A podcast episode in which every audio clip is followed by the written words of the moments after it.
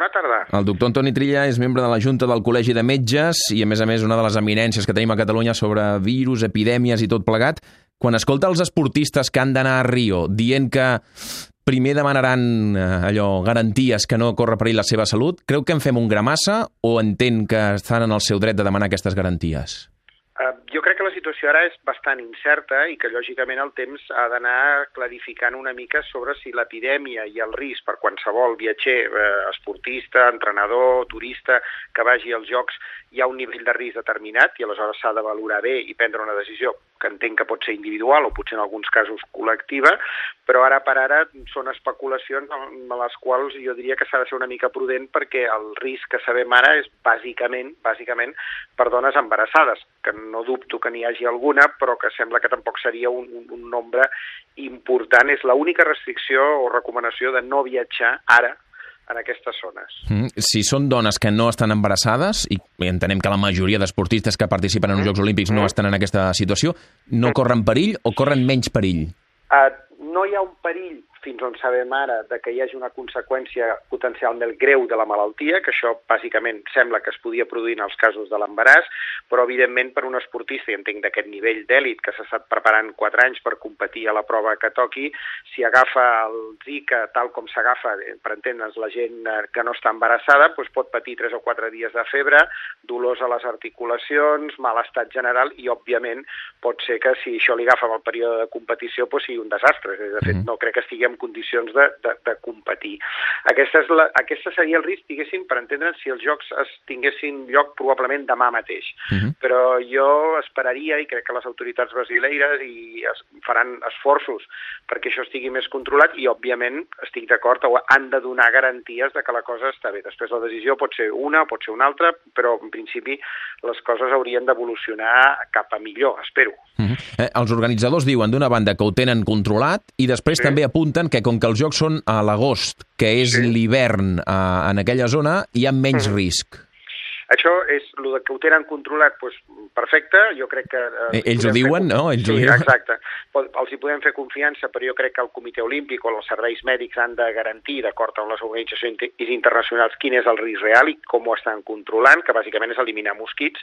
I segona, eh, la segona part és important. És cert que és allò és hivern, en el moment dels Jocs, és cert que això redueix la densitat de mosquits, però també és cert que, per exemple, aquest any passat, que ha sigut un any una mica diferent climatològicament, hivern vol dir que molts dies estaven a 27 graus, per tant és un hivern eh, relatiu, no, no és un hivern, eh, diguéssim, com els hiverns d'aquí d'Europa, i poden haver-hi transmissió de mosquits clarament, tot i que sigui tècnicament hivern. Mm -hmm. eh, perquè el Zika s'agafa per la picadura del mosquit? Només? Sí, no, no, només no. Bàsicament i fonamentalment per la picada, picada del mosquit. Posem 99,9% dels casos. Però saben vostès que s'han comentat, per exemple, que podria haver-hi transmissió sexual entenc o he llegit per altres vegades que el tipus de relacions sexuals que es poden donar durant els Jocs Olímpics augmenten també. Sí, sí, sí, sí d'aquestes que hi ha. Per tant, aquí, si algun atleta tingués relació amb un altre atleta que tingués en aquell moment la infecció més activa, la fase de febre i tot això, es podria eventualment contagiar. De totes maneres, aquesta seria una possibilitat molt remota perquè pel mateix preu estaran donant voltes probablement centenars o milers de mosquits, que és més fàcil que et piquin, no? Però, bueno, és una possibilitat, també. Ah, eh, entenc que ahir, per exemple, federacions tan importants com la dels Estats Units o com la de Kènia, que en atletisme eh, són una de les, sí, grans, de les grans potències, van donar llibertat als seus esportistes. Normalment, quan un esportista, la seva federació, el selecciona per anar als Jocs, està obligat a anar-hi. En canvi, uh -huh. ahir aquestes dues federacions van dir que entendran una negativa dels seus atletes i que, per tant, no hi hauria sancions. És això que dèiem al principi de donar-los la, la llibertat de poder-ho fer sense por a una, a una sanció. Sí, jo entenc que en aquest cas està justificat. Jo crec que potser les federacions haurien de ser una mica més contundents a l'hora de recomanar anar-hi o no anar-hi cada atleta després que faci la seva lectura i decideixi anar-hi o no anar-hi. Desconeixia aquest tema de les sancions, però una mica el que han traspassat ara és la decisió del propi esportista. I això està bé, però també tindria que tenir tota la informació i una avaluació més reglada per no dir, escolta, espavila't i tu mateix. Entenc que són mm. quatre anys pel, pel cap baix d'entrenament i davant d'un dubte jo crec que molts esportistes preferien arriscar-se i dir, escolta, jo vaig a competir perquè això no ho veig del tot clar que em pugui afectar. Aquest és un punt que jo crec que les federacions, amb els pas de les setmanes, aniran evolucionant i veurem cap a quin cantó es decanten. I, òbviament, com ha dit vostè molt bé, si ho fa la Federació dels Estats Units, els jocs tindran un problema. Això, sí. això, això, això està clar. Mm, fins i tot hi ha qui demana si no s'hauria de canviar la seu i tot plegat, però això és un altre apartat i no, no li demanarem a vostè com a, no, com a metge. No. Eh, deixi'm preguntar-li si per a, a aquells sí. catalans que vulguin anar a veure proves, sí. que a vegades també hi ha gent Correcte, que, clar. No, no és aquí al costat, sinó que és un viatge llarg, però clar, no sí. són esportistes, potser a vegades busques un hotel que no reuneix totes les, uh, les uh, sí, sí. condicions sí. idònies perquè vas a buscar la pela,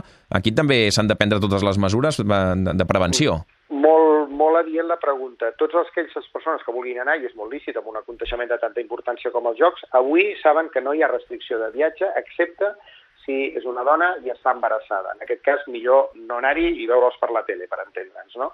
Un cop allà, les precaucions que han de prendre són bàsicament de dos tipus. Intentar protegir-se de les picades de mosquits, repel·lents, ús de roba, evitar determinades situacions, que això ja els hi comentaran els seus metges abans de marxar, i després mantenir les precaucions habituals amb un viatge a zones tropicals que no són diferents d'altres coses que poden passar arreu del món. Per tant, no hi ha una restricció, sí que hi ha una recomanació de protecció i una recomanació, jo crec que bastant clara i cada dia més clara de, atenció, si estàs embarassada, millor posposar el viatge. Mm, molt bé, doncs aquesta és la situació que tenim hores d'ara. Segurament haurem de seguir molt atentament com evoluciona aquesta epidèmia, tota aquesta, aquesta situació, eh, per veure si va a més el risc o si, en canvi, la cosa queda controlada i tot plegat queda menys, perquè suposo que durant sis mesos poden passar qualsevol cosa, no? Pot anar a més o a menys, no?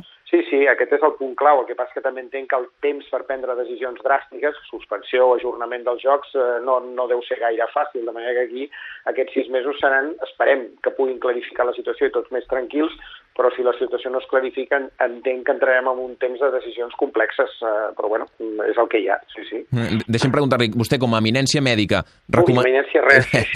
recomanaria una suspensió o un canvi de dates o, o un ajornament de Jocs Olímpics o en la situació actual no cal aquesta mesura tan dràstica?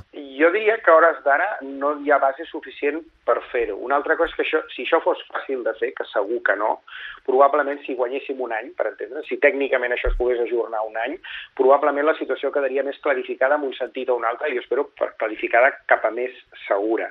Ara bé, això entenc que deu dependre d'uns contractes multinacionals i uns calendaris impossibles de quadrar, però bueno, la situació, eh, idealment, si això fos una cosa més senzilla, doncs diríem, escolta, esperem un any, veiem com evoluciona l'epidèmia, segurament estarà molt més controlada, cap problema, eh, i endavant. Però bueno, els tenim d'aquí sis mesos i hem de fer front a la, a la situació amb, amb la millor informació possible, no, no, no podem fer res més. Doncs aquesta és la situació a hores d'ara, hem sentit els esportistes i ara també hi ha un doctor que entén del tema, com és el doctor Antoni Trilla, membre de la Junta del Col·legi de Metges i a més a més, tot i que ell no ho vulgui reconèixer, un dels experts que tenim a Catalunya, segurament el màxim expert que tenim en epidèmies i en virus. Doctor, gràcies per acompanyar-nos i bona moltes, tarda. Moltes gràcies, bona tarda.